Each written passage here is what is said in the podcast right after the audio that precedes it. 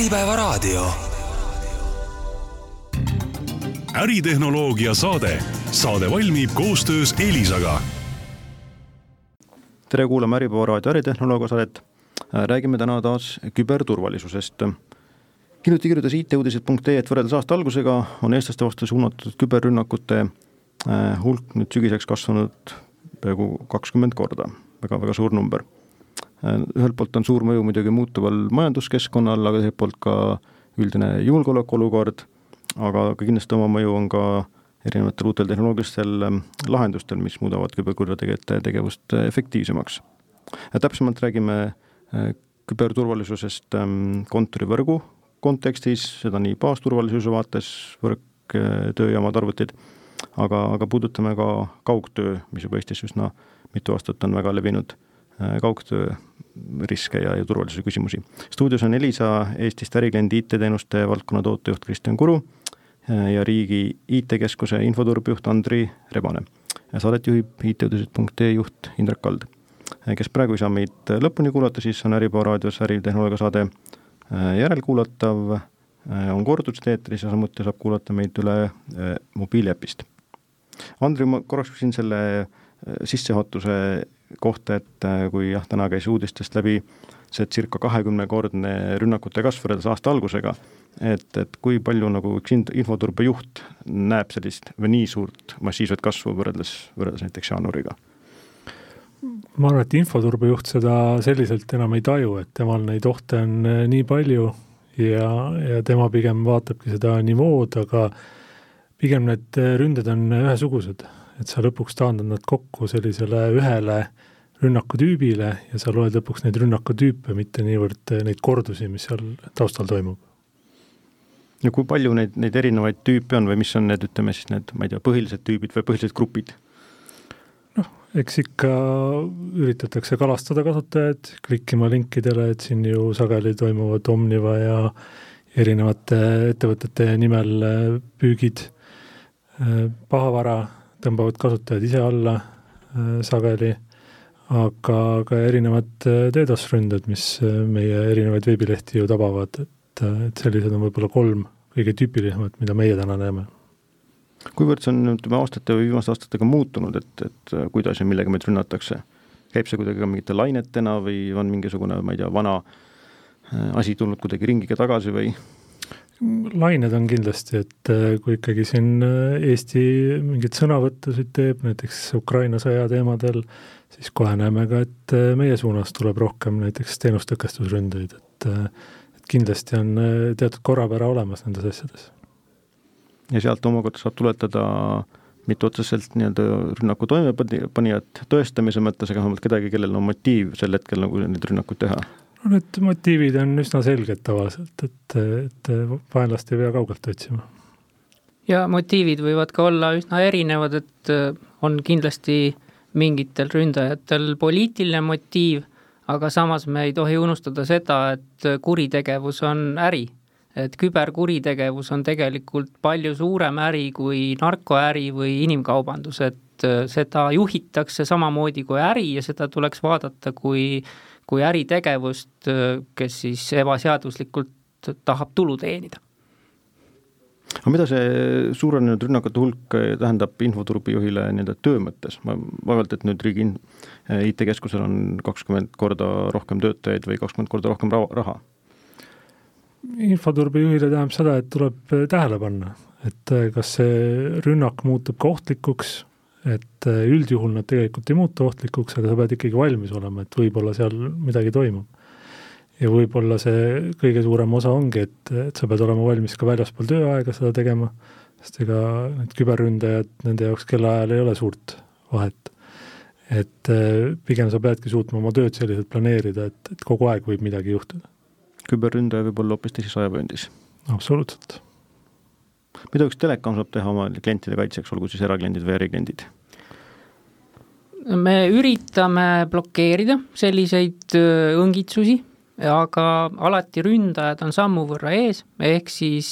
kui me avastame, et kuskilt hakkab midagi tulema, et a la hakatakse saatma SMS-i näiteks Omniva nimel justkui või kellegi teise teenusepakkuja nimel, kus tahetakse inimesi õnge tõmmata, siis see on reaktiivne tegevus, ehk siis me suhtleme nende partneritega, kustkohast need sõnumid tulevad ja, ja seda blokeerime, aga selle, selleni läheb aega ja kindlasti osa nendest rünnakutest jõuab läbi ja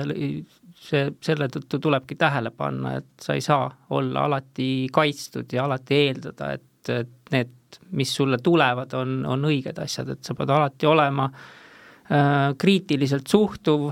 ja, ja valvas.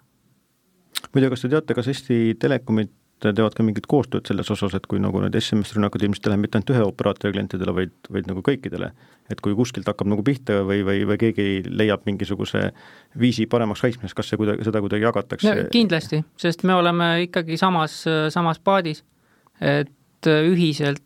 selle vastu astuda on kindlasti parem, et, et me teeme koostööd nii telekomidega omavahel nii Eestis kui, kui välismaal, samamoodi riigiasutustega, äh, riigi küberturbemeeskondadega ja samamoodi suuremate firmade või siis teenusepakkujatega, pankadega ja, ja kui tulebki selliseid äh, sõnumeid, et kellegi nimel justkui esinetakse, siis kindlasti me teavitame ka seda teenusepakkujat, on see siis Omni või, või keegi muu seda suurt ohtu või siis ütleme, rünnete suurt äh, kasvu, mida me alguses äh, rääkisime, äh, vaadates tundub, et küberturvalisus pole mingisugune selline marginaalne teema, kuigi võiks arvata, me iga päev sellega justkui nagu kokku ei puutu, vaid võib noh, kergesti saada üsna selliseks eks-, eksistentsiaalseks küsimuseks ettevõtete või, või, või eraklientide jaoks. No iga, iga klient ja iga inimene peabki enda jaoks need riskid teadvustama, et et kui sa oled äriettevõte, et millised teenused, milliste teenuste maasolek või toimimine sinu äri mõjutab, kuidas see mõjutab, kui, kui mingisugune teenus ei tööta, et kas sul jäävad tellimused täitmata, arved välja saatmata, on sul mingisugune mainekahju ja sellest tulenevalt kõik need võimalikud riskid ära kaardistada ja selle äh, tõenäosust võib küll olla raske hinnata, aga tagajärge hinnata on tõenäoliselt äh, palju lihtsam. ja siis vastavalt selle riski suurusele ka hinnata seda, et milliseid maandamismeetmeid sinna on mõtet äh, panna. aga kuidas see teile tundub, kui, kui, kui palju Eesti ettevõtted või eraisikud on nii-öelda, nad on küll ühelt poolt ohus, nagu me teame ja nagu me räägime, aga milline on valmisolek nagu maksta selle eest, et sa kaitstud oled?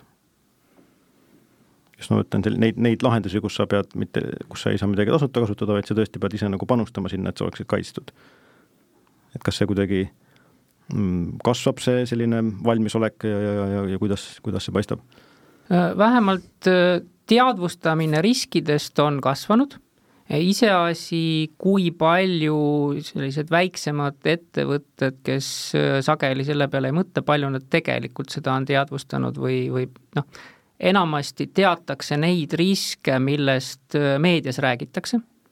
et eelmise aasta suvel me tegime ka enda klientide seas küsitluse äh, just selle osas, et äh, kas keegi on konkreetsete rünnakutega kokku puutunud ja, ja milliseid riske enda jaoks teadvustatakse ja ütleme, kümnest kaks oli puutunud kokku mingisuguse küberintsidendiga, mis oli temal, temaga seotud, tema suhtes toime pandud, kus oli ka otsene kahju sündinud, on, on see siis rahaline või mingisugune muu kahju, ja, ja teadvustati eriti just selliseid andmetega seotud riske, ehk siis andmete varastamine, lunavararünnakud ja, ja sellised riskid, et ehk siis äh, sellised asjad, mis on seotud konkreetselt omanduses olevate andmetega ja, ja sellised ründed, millest just meedias äh, rohkem räägitakse, ehk siis õngevõtmised, äh, lunavara väljapressimised ja nii edasi. ja ma arvan, et eraisikud täna ei ole väga valmis maksma veel infoturbeteenuse eest, küll aga nad on hakanud endale teadvustama seda, et äh, kindlasti on keegi tuttav, kelle sotsiaalmeediakonto on üle võetud või emaili konto ja vähemalt mõeldakse, kuidas mitmetasemelist autentimist endal seadistada, noh, see tegelikult ei vaja ju raha, aga vähemalt see suundumus on olemas, et, et nad on hakanud mõtlema ja nad üritavad ennast kaitsta. kümnest kaks on tegelikult päris suur hulk. see on iga viies, et äh, ilmselt sõltumatu ka sihtgrupist ka, keda küsitleda, et äh, võib-olla kui Eesti enamik ettevõtetest on sellised väikefirmad, ma ei tea, kui palju nemad seal küsitluses esindatud olid, et võib-olla sellised tõesti ühe mehe või mõne töötajaga firmad, et äh, kes ise ei ole veel kuskil nii-öelda ohvriks sattunud või mingi sellisega kokku puutunud, nendel see teadlikkus noh, võib-olla lihtsalt meedia kaudu oled sealt lugenud, aga see võib-olla aktiivselt nagu ei mõtesta, kuidas oma tegevust nii-öelda korraldad, et sa oleksid rohkem kaitstud. Ja seda tagajärge me ka seal küsitluses ei, ei küsinud, et me lihtsalt teame, et kümnest kaks on, on kokku puutunud äh, sellise asjaga, kus ta ise pihta sai, aga noh, see ei, me ei tea seda, et kas see oli täpselt nii, et äh, ma kogemata klikkisin kuskil lingil ja, ja midagi juhtus ja mul läks võib-olla viis minutit, et äh, veenduda, et minu viirusetõrjeprogramm selle, selle asjaga hakkama saab ja ära on tõrjunud Äh, see võib ka olla täiesti teisest äärmusest, et pressiti sult välja kümned tuhanded eurod. et seda me ei tea, et mida see viiest kaks, et mis see, mis see mõju täpsemalt on, aga, aga vähemalt ollakse kokku puutunud ja, ja teadvustatakse teatud äh, riske. vähemalt selliseid, millest igapäevaselt meediast võib lugeda aga lähme siis kontorivõrgu turvalisuse teemasse natuke sisse, et mis on selle kontorivõrgu äh, ütleme, baasturvalisuse kõige, kõige tähtsamad komponendid? ma ütleks, et äh, see on äh, mitmekihiline äh, teema, et noh, kui tuua analoog näiteks sellest, et kui sul on füüsiline maailm, et kui sa paned värava kinni, see ei tähenda, et sa jätad välisukse lahti. ja samamoodi, et sul on toauks on lukus, kui sa oled ära läinud kontorist ja sul on seif on lukus ja, ja võti ei ole kuskil sahtli nurgas. et sa pead mõtlema selle asja peale kihiliselt, et kui kuskilt tuleb läbi, siis järgmine kiht peab selle ründe kinni. Et seal ei ole sellist asja, et see on üks, mis on kõige tähtsam,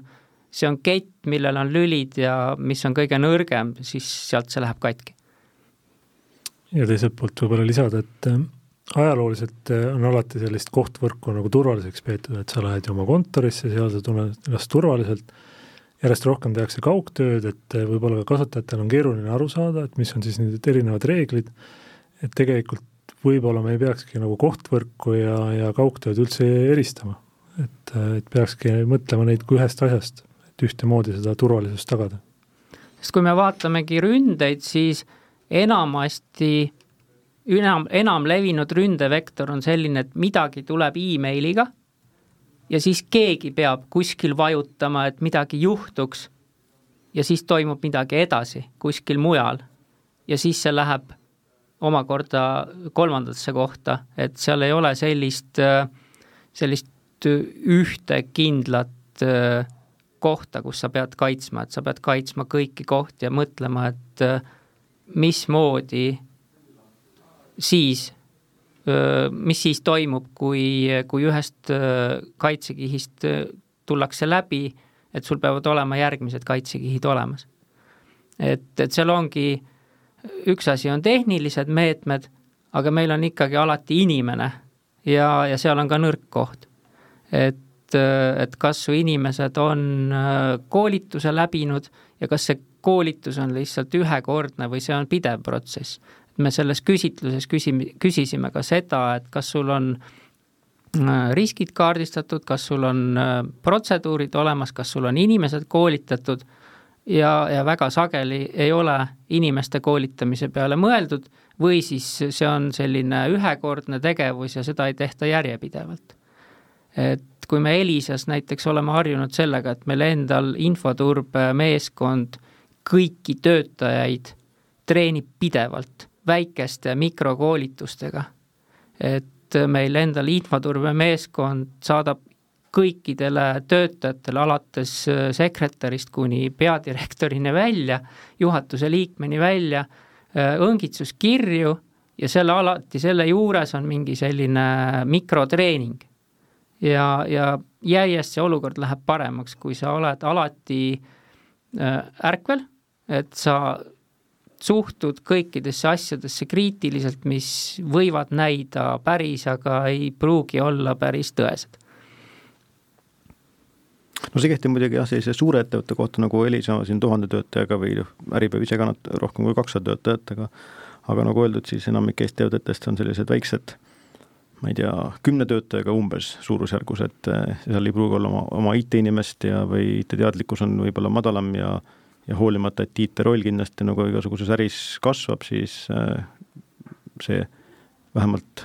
võib olla nii-öelda teisejärguline nii kaua, kuni sa ei ole millegagi pihta saanud või, või nii-öelda mingit ohuolukorda pole tekkinud no,? kui sa oled juba pihta saanud, siis on hilja ja siis on lihtsalt küsimus selles, et kuidas sa sellest olukorrast välja tuled ja kaua sul see meeles püsib. aga sa ei peagi olema eriti suur ja, ja sa ei pea ka sinna väga suuri ressursse koolitusse panema. tõmba kas või riigi poolt tehtud Ole valmis äpp, ja seal on viidatud täiesti tasuta ettevalmistatud küberturbe baaskursusele, kus sul on erinevad aspektid, alates kuidas sa käitud kuskil, mismoodi sa suhtud infosse, mis, mis sulle saadetakse, et sa ei, ei, sind ei tõmmataks õnge. ja noh, tänapäeval tulebki alustada tegelikult juhtidest. et kui juht oskab vähemalt küsida õigeid küsimusi oskab mõelda sellele, et mis võiks olla tema riskid, siis sealt juba hakkab välja kooruma, et kas ta siis ise leiab võib-olla mõne partneri, kes aitab seda infoturvet teha, või siis ta leiabki mõne inimese, kes kas või muu töö kõrvalt vähemalt äh, mõtleb nendele asjadele. et, äh, et pigem mina ei vaataks täna isegi väikeettevõtetes töötajate poole, vaid just juhtide poole, sest nendel on kõige suurem roll, et veendumusi näiteks mõjutada aga kui me räägime ikkagi sellest samast nii-öelda kontorist, kontorivõrgust, olgu siis väike või suur ettevõte, noh eriti käib praegu küsimus nüüd suurte ettevõtete kohta, et kuivõrd peaks erinevate IKT-seadmete ostmisel või hankimisel arvesse võtma seda, et kus need tehtud on?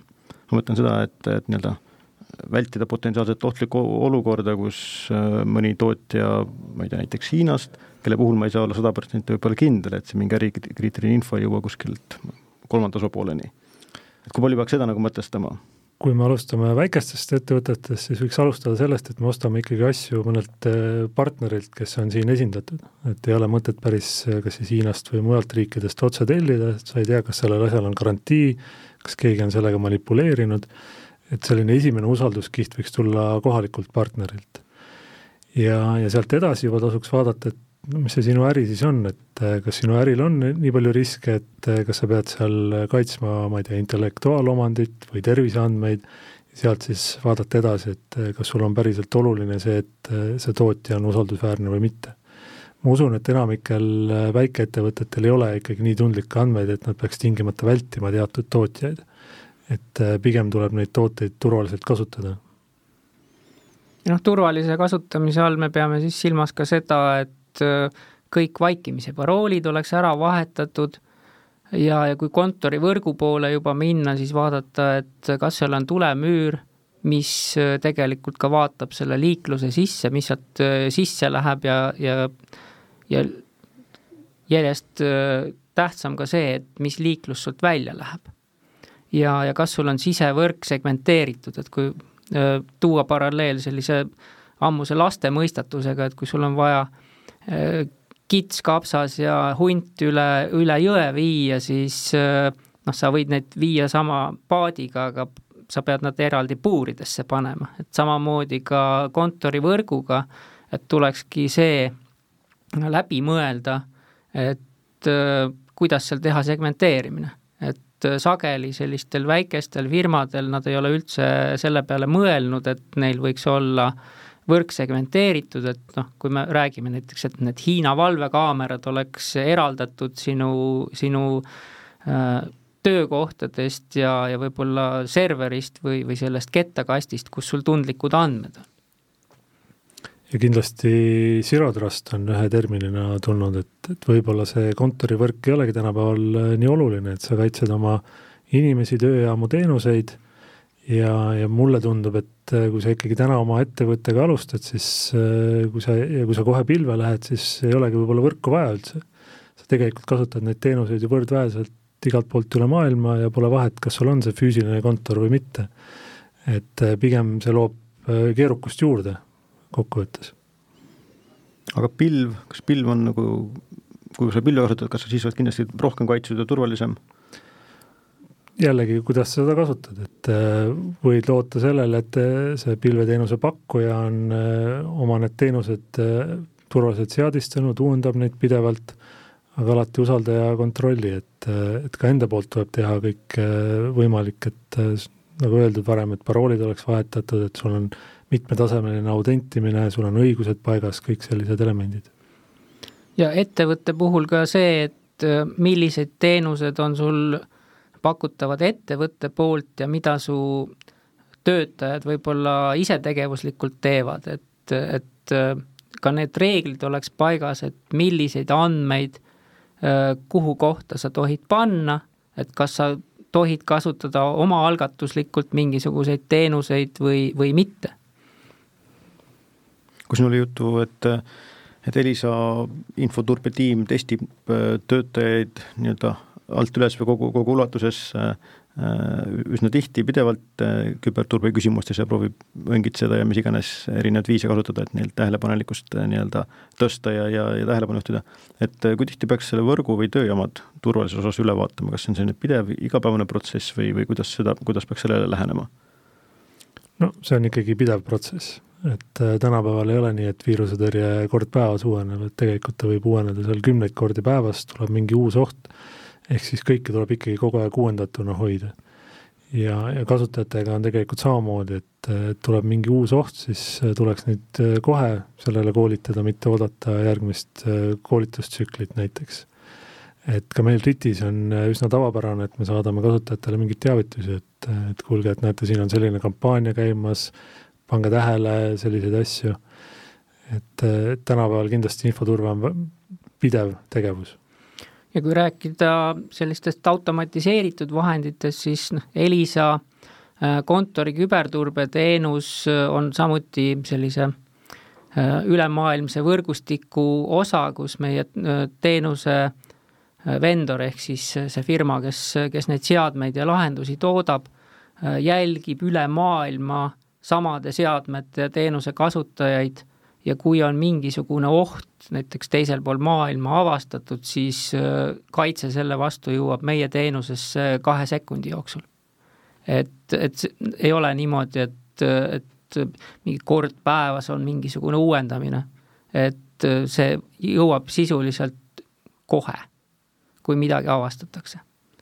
ja, ja saab ka kaitsta selliste ohtude vastu, mis, mida veel ei ole avastatud, aga seal on teatud mustrid, mida siis äh, tehnoloogia äh, suudab tuvastada, et see on vist midagi kahtlast ja pigem oleks hea see ära blokeerida. üks on tarkvara küsimus ja see on nagu selline kiiremini uuendatav, aga aga võrguseadmeid ka ju täiendatakse nagu pidevalt ja ja, ja millal peaks nagu ütleme neid uuendama siis, noh uuendused tähendavad mingeid lisandunud sagedusalasid või, või mingid kanalid tulevad juurde või väiksem latentsus ja nii edasi, et et kui tihti peaks nagu võrguseadmeid uuendama? no eks igal tootjal on oma elutsüklid ja, ja tootja kodulehelt saab alati vaadata, et milline see end of life tähtaeg näiteks seadmetel on, et kindlasti ei tasuks kasutada seadmeid, mille parim enne on juba möödas et äh, ütleme reeglina viis kuni seitse aastat on see mõistlik äh, aeg. Ja siis tasuks ikkagi juba vaadata, sest tõesti uued tehnoloogiad tulevad peale, uued protokollid, võib-olla asjad lähevad kiiremaks, turvalisemaks, et, äh, et sellel on jällegi vaja silma peal hoida, aga selleks on vaja ka ettevõttes kedagi, kes seda tegelikult teeks, on see siis enda inimene või väline partner. ja välise partneri käest tasuks ka küsida, et mismoodi see teenuste ja seadmete haldamine käib kas seal on äh, mingisugune automatiseeritud äh, teenus, on need näiteks äh, tootja pilvehalduse kaudu hallatud, kus need uuendused toimuvad juba automaatselt, et keegi ei peagi ükshaaval kuskile seadmesse käppapidi sisse minema ja mingisuguseid nuppe vajutama. kuidas teile tundub, kui palju kaugtöö nüüd on turvalisem võrreldes koroona algusega kevadel kaks tuhat kakskümmend, algas selline massiline ja, ja kiire üleminek kaugtööle üle maailma? Kas me oleme nüüd, nüüd kaugteed tööd tehes turvalisemas küberturbe mõttes keskkonnas või, või on vastupidi ebaturvalisem? mina arvan, et me oleme kindlasti turvalisemad, eelkõige, et kasutajad on teadlikumad, et kindlasti paljud kasutajad enne koroonat ei olnud isegi kordagi teinud tööd äh, kodukontoris, nad ei teadnud, äh, mida tohib teha, mida mitte, et tänaseks on neile need koolitused tehtud, neile on antud pea, baasteadmised samuti ma arvan, enamiku IT-valmisolek on oluliselt suurem ka monitoorida neid tegevusi, mis kaugel toimuvad. ehk siis ütleme, kaugtöö on muutunud nii loomulikuks osaks, et tegelikult me oleme täna paremas seisus kui ütleme, kolm aastat tagasi. ja koroonaaja alguses oli ju ka väga kiire, et inimesed läksid koju ja siis hakati jooksvalt lahendama seda kiiresti, et milliseid teenuseid me üldse kasutame. Ja, ja siis stihiliselt võeti mingisuguseid äh, teenuseid kasutusele, see on praeguseks juba niimoodi äh, paika loksunud, et, et meil on ametlikud äh, kanalid suhtluseks sellised ja mingisuguseid teisi kanaleid me enam ei kasuta või siis kasutame teatud reeglite järgi kui rangelt üldse võiks olla asutustes, ettevõtetes kuidagi reglementeeritud, et äh, mis programme sa tohid töö arvutis kasutada ja mida mitte, et kas sul võib olla äh, teed töötelefonis TikTok või kas sa võid klientidega suhelda üle Skype'i või saata mingeid töövail-, tööfaile, ma ei tea, Hotmaili või Gmaili kaudu? Neid näiteid on väga palju. sõltub jälle asutuse riskitasemest, et äh, iga asutus peab enda jaoks selle läbi mõtlema, et mis on tema jaoks aktsepteeritav, mis mitte, et äh, riigisektoris me oleme selgelt läinud pigem seda teed, et meil on kindlad kanalid, kus äh, infot vahetatakse, kus ka kas klientidega või, või äh, kodanikega suheldakse ja, ja see standardiseerimine lihtsalt aitab meil endal kulusid kokku hoida, lihtsamini seal peal ka turvet tagada. ja samamoodi äh, eraettevõtetes, et kui me vaatame, et Eesti ettevõtetest vähemalt keskmise ja suurema Äh, sektori ettevõtetest pooled kasutavad Microsoft kolm kuus viite, siis äh, selles paketis on juba väga palju selliseid äh, teenuseid ja tööriistu, mida sul igapäevaselt läheb vaja, et kui asutuse poolt juba antakse sulle emaili teenus, siis miks sa peaksid erameili aadressi kaudu midagi saatma, samamoodi kui sul on seal need programmid, mis, mis sulle on eraldatud, miks sa peaksid üldse midagi muud kasutama või, või miks sa peaksid faile hoidma kuskil mujal. et äh, iga asutus, ettevõte peaks enda jaoks läbi mõtlema, et mis on tema tööks vaja ja töötajad ei peaks nagu selle peale mõtlema, et miks mul on mingisugune tööriist puudu ja kust ma selle saan. No lihtne vastus küsimusele ilmselt on näiteks see, et Äh, et, et oletame, et jah, et arvuti ja sülearvuti või mul on kodus olemas tööandja oma ja ma sellega teen oma neid põhilisi tööasju, aga võib-olla mul on, ma kuskil liigun ringi ja osa asju, mida ma teeks nutitelefoni kaudu, aga mul kõiki neid samu rakendusi, mis on tööarvutis saadavad, saadavad, seal ei ole ja võib-olla töömeilid mul ka sinna ei tule ja siis ma saadangi, ma ei tea, Gmailiga või suhtlen mingi muu kanali kaudu või kasutan mingit rakendust, mis on ainult nutitelefoni põhine ja tekib ka nagu selline nii-öelda potentsiaalne ohuolukord no hea loogika oleks ikkagi tööasjad isiklikest äh, eraldi hoida. et äh, kui vähegi võimalik ja, ja tööandja peaks siis ka enda poolt vaatama, et, et kui on mingid asjad, mida ta soovib, et kasutaja ei kasutaks, siis äh, enda poolt need näiteks kas ära keelata, on see siis, ma ei tea, kasiinosaitide kasutamine töövahendist näiteks, et neid tehnilisi vahendeid on kindlasti tänapäeval väga palju, aga jällegi selleks, et neid kasutusele võtta, on, on vaja kõik see läbi mõelda ja teha seda süstemaatiliselt, mitte sellise hoogtööpäevakuna täna teeme ja homme enam ei tee meie digirik on, on rohkem selline arvutipõhine, et Eesti e-riik pole veel väga tugevalt esindatud vist mobiilirakendustes, kuigi me kõik kasutame nutitelefone. et kas küberturvalisuse vaates on mingit vahet, kumba kanalit kasutada, kas arvutit või nutitelefoni? kas üks, üks on raskemini turvatav? Nad ei ole võib-olla raskemini turvatavad, aga kindlasti tänapäeval arvutis on veel võimalik rohkem asju teha, et nutitelefonis ikkagi see rakenduste hulk ei ole täna veel piisav, sealt ei ole nii mugav neid asju teha teatud kohtades on ka võib-olla turvalisust keerulisem natuke tagada, et äh, kindlasti need äh, kaitsevahendid ei ole päris samasugused nagu tööjaamas, samas ohud on ikkagi ka väga erinevad, et äh, on see telefon või arvuti. Kaugtööd on Eestis juba suures mahus üsna mitu aastat tehtud õigupoolest üle maailma, enam, enam kui kolm aastat. et, et mis riske te, ütleme, kaugtööga seoses veel nagu näete tänapäeval, et kas on midagi, millele, millele ikkagi töötajad ei, ei pööra piisavalt tähelepanu? mis on kõige suuremad ohukohad äh, jätkuvalt kaugtööd tehes? no võib-olla see rutiin ikkagi, et äh, tihti inimestel tekib äh, rutiin, nad äh, kaotavad tähelepanu, nad äh, võib-olla arvavad, et nad on turvalises keskkonnas, tegelikult nad on võib-olla ühistranspordis või lennujaamas ja hakkavad kõva häälega tööasju ajama või, või teevad arvuti lahti ja ei vaata, kas keegi on neil selja taga, kas see, kas keegi näeb midagi. ja, ja võib-olla üks oht, et kaugtööd tehakse tihti väljaspool tööaega, et seal võivad tekkida vead näiteks väsimusest, olen ka ise näinud, kuidas võib-olla mõni kasutaja on alkoholi tarbinud, ehk siis sellised on need ohud, mis sul võib-olla kontoris alati ei ole hiljuti oli üks äh, uudis, kuidas äh, ITL, info, infotehnoloogia ettevõtete liit, äh, nii-öelda kampaania korras korraldas kolmele ettevõttele küberründed. ja hoolimata eelnevatest hoiatustest, need ettevõtted olid teadlikud, et neid võidakse rünnata, kõik rünnakud õnnestusid. Miks ikkagi nagu hoolimata, et sa oled nagu justkui nagu väikses valmisolekus, et, et, et sind rünnatakse, antud juhul kõik, kõik ründed läksid nagu asja ette ründaja vaatest? tavaliselt see ongi tähelepanematus, et inimene on äh, hõivatud oma tööasjadega, ta on keskendunud, järsku ta näeb, et tuleb selline email, mis on intrigeeriva sisuga ja, ja sagedal tal on võib-olla selline turvatunne tekkinud, et noh, minu ettevõttes ju ei, ei tule need asjad läbi. Ja, ja ta klikib sellele asjale, võib-olla isegi sisestab juba andmed, seni kuni tal ühel hetkel siis tekib see emotsioon, et aga äkki on midagi valesti et, et me oleme harjunud mingeid asju tegema ja, ja neid siis ebakõlasid leida on teinekord lihtsalt keeruline. seal võib ka olla äh, asi selles, et alati on sihitud rünnakud on edukamad, sest äh, ründaja võib-olla tunneb seda rünnatava spetsiifikat, konteksti, et äh, kui ongi ründaja näiteks teiselt poolt maailma selline huupitulistaja, noh, meid kaitseb suuresti ka eesti keel, ma tean, et Google Translate läheb küll järjest paremaks, aga isegi siis, kui sa äh, suudad moodustada grammatiliselt korrektse lause, siis see lause peab ka sobituma sellesse konteksti, äh, mis sellel rünnataval on. Ja, ja seetõttu sellised ründed äh, näiteks kui Äh, ründaja on juba pääsenud kuskile sinu süsteemidesse ja on võib-olla aasta või poolteist äh, seal silmad ja kõrvad lahti hoidnud ja siis arvab, et nüüd on see õige hetk,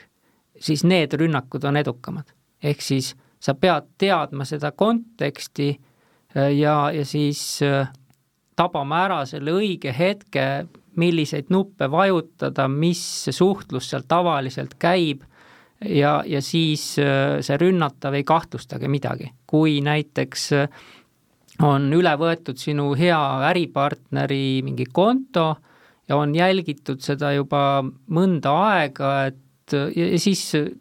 täiesti võetakse selline suhtlus üle, et näed, nüüd on meil, see töö on valmis, palun makske arve ära ja siis sa ei kahtlustagi, et sa tegelikult maksad selle arve kuskile valesse kohta. aga kuidas, kuidas riik saaks ähm, kaasa aidata erasektori teadlikkusele kasvule infoturbe ja andmekaitse teemal? mida, on midagi, mida, mida riik saaks rohkem teha? Äh, ma arvan, et teavitamine, sest äh, meil on tehnoloogiline komponent, aga meil on ka inimene ja tavaliselt see inimkomponent on kõige nõrgem. ehk siis äh, teadlikkuse tõstmine, et et äh, kuidas mitte sattuda õnge. ja, ja millistele teemadele tähelepanu pöörata, et, et inimesed oleksid teadlikud, kuidas käituda, kuidas mitte käituda. et praegu see käib nii riigi poolt kui pankade poolt kui ka suuremate teenusepakkujate poolt, et palun, inimesed, pöörake tähelepanu aga jah, jällegi see on pidev protsess, et äh, kunagi mäletate, oli selline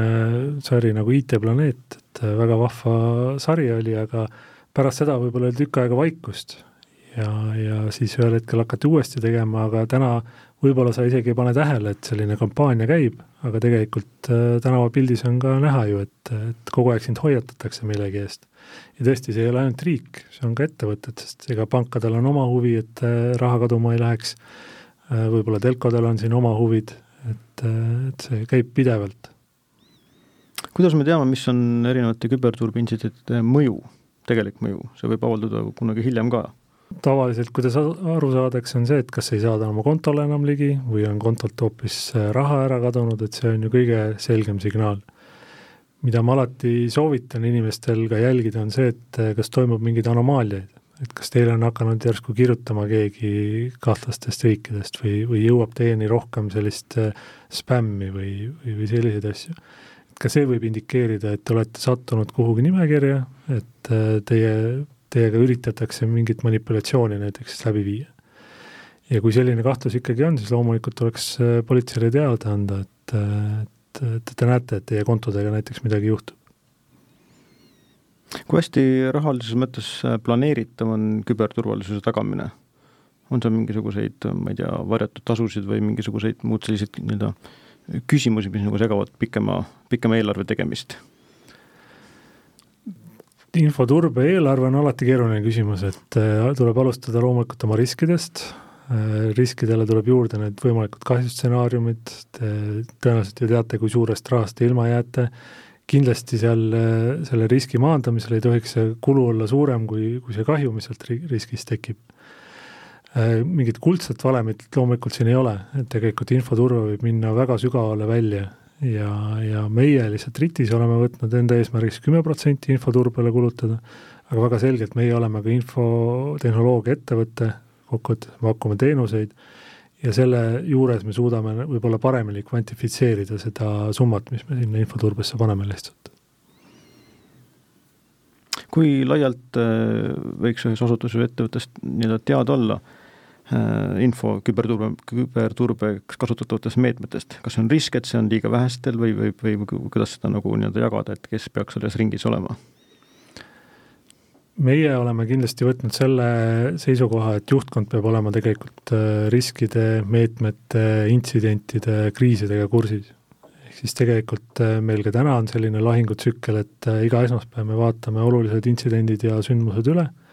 mis tähendab seda, et, et vahet pole, kes sa juhtkonnas oled, personalitöötaja, õigusosakonna juhataja, sa tegelikult omad seda ülevaadet, mis sul organisatsioonis toimub ja tegelikult igalühel on ju oma roll seal, et äh, personalijuht ka läheb tagasi, ütleb, et aga meil on võib-olla koolitusi vaja teha.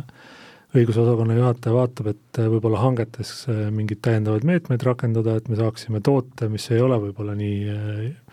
ohtlik, kus ei tule võib-olla ründaja läbi, ehk siis oluline on just hoida laiemana seda nii-öelda teadvust, mis see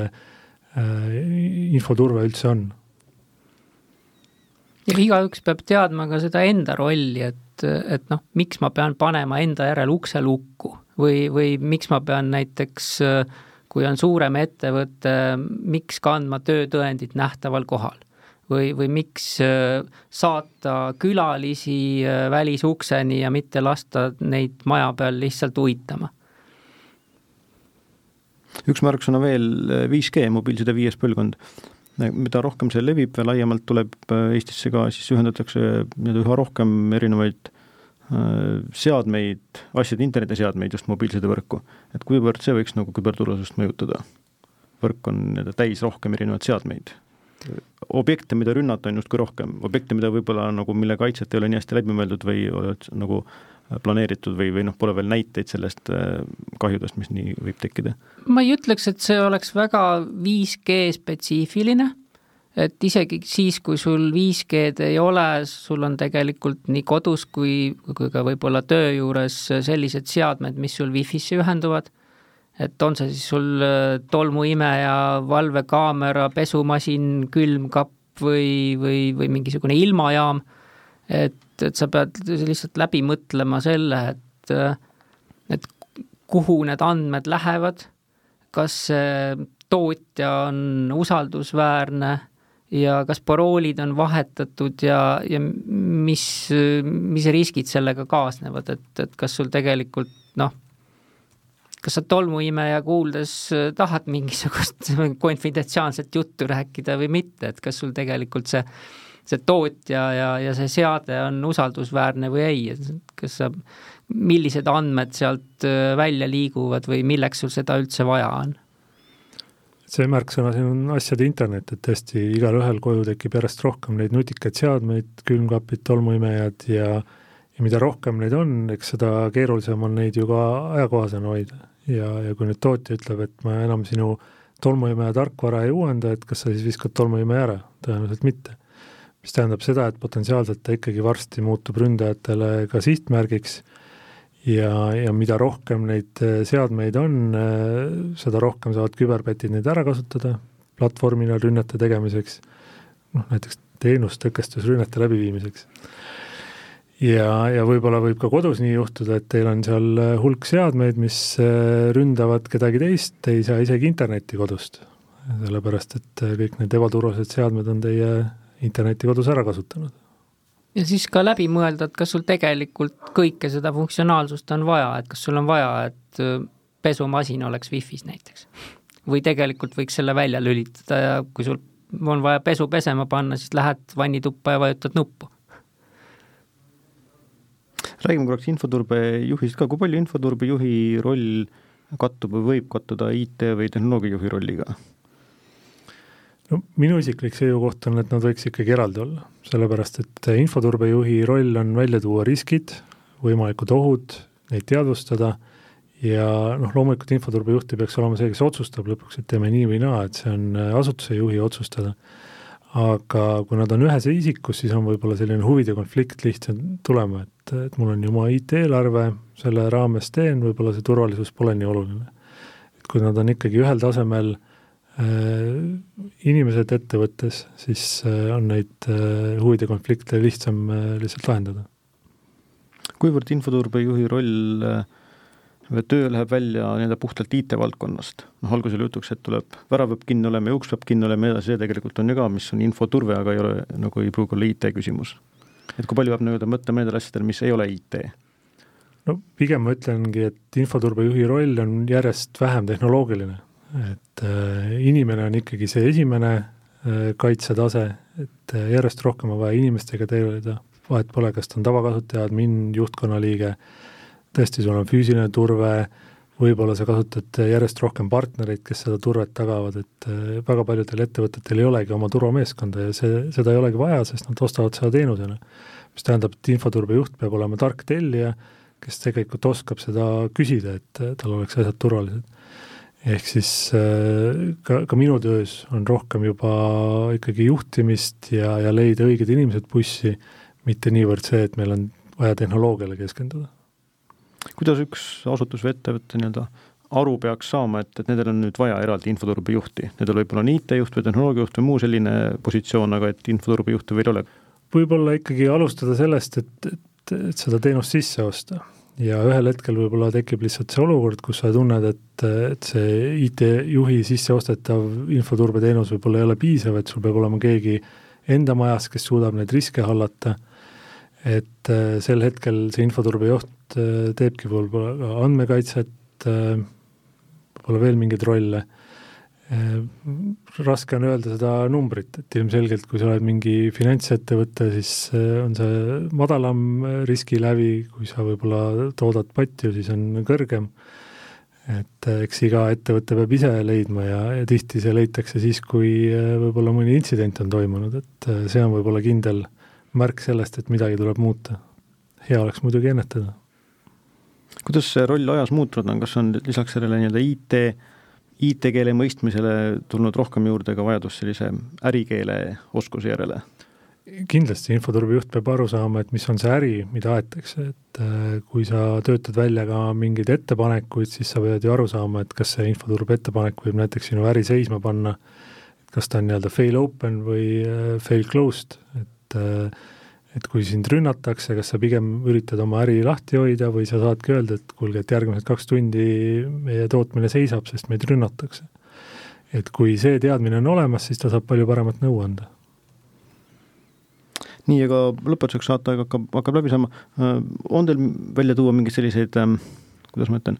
äh, suuremad või levinumad eksiarvamused küberturvalisusega seoses, mida te, mida te nii-öelda oma töös ikka, ikka kohtate, mida inimesed, inimesed nii-öelda valesti mõtlevad? võib-olla kui ma alustan, siis võib-olla esimene ongi see, et, et osadele inimestele tundub, et kontorivõrk on võib-olla turvalisem kui, kui kodus olles, et äh, ma arvan, et kaasaegses maailmas seal ei tohiks vahet olla, et sa peaks ühtemoodi olema tähelepanelik, sest äh, võib-olla sinu kontoris käib ka seal koristajaid ja võib-olla on uus koristaja, et kas ta on üldse nagu lubatud sinna tulema peale tööaega, et see tähelepanu peab nagu igal pool olema olemas. ja mina keskenduks nagu tööjaamale, teenusele ja töötajale, kõige rohkem ikkagi töötajale. et äh, võib-olla see lähenemine, et tehnoloogia parandab kõike, ei ole enam tänapäeval nii äh, pädev, et tehnoloogiast lähevad ründajad ikka mööda, et inimene peab olema see, kes tegelikult järjest rohkem tähele paneb. tuleks ennast panna selle ründaja seisukohta, et millised asjad on sul võib-olla kergemini rünnatavad, mis sulle kõige rohkem valu teeb ja arvestada ka sellega, et sellist ühte maagilist asja, mis nüüd teen selle ära ja siis, siis on kõik valmis, seda ei ole, et kaitsta tuleb kõike, nii, nii inimest kui lõppseadet, kui ka kõike selles ahelas võrgus nii, infoturve ja küberturvalisus on kindlasti teema, millest võib rääkida äh, tunde, päevi, nädalaid, kuid, aastaid ja nii edasi, äh, oleme varem rääkinud, küllap räägime, räägime edaspidi ka, aga tänaseks on meil saateaeg lõppenud, äh, ütlen uuesti, et stuudios olid Elisa Eesti ärikliendi IT-teenuste valdkonna tootejuht Kristjan Kuru ning Riigi IT-keskuse infoturbejuht Andri Rebane, saadet juhtis IT-uudised.ee juht Indrek Kald, kena päeva!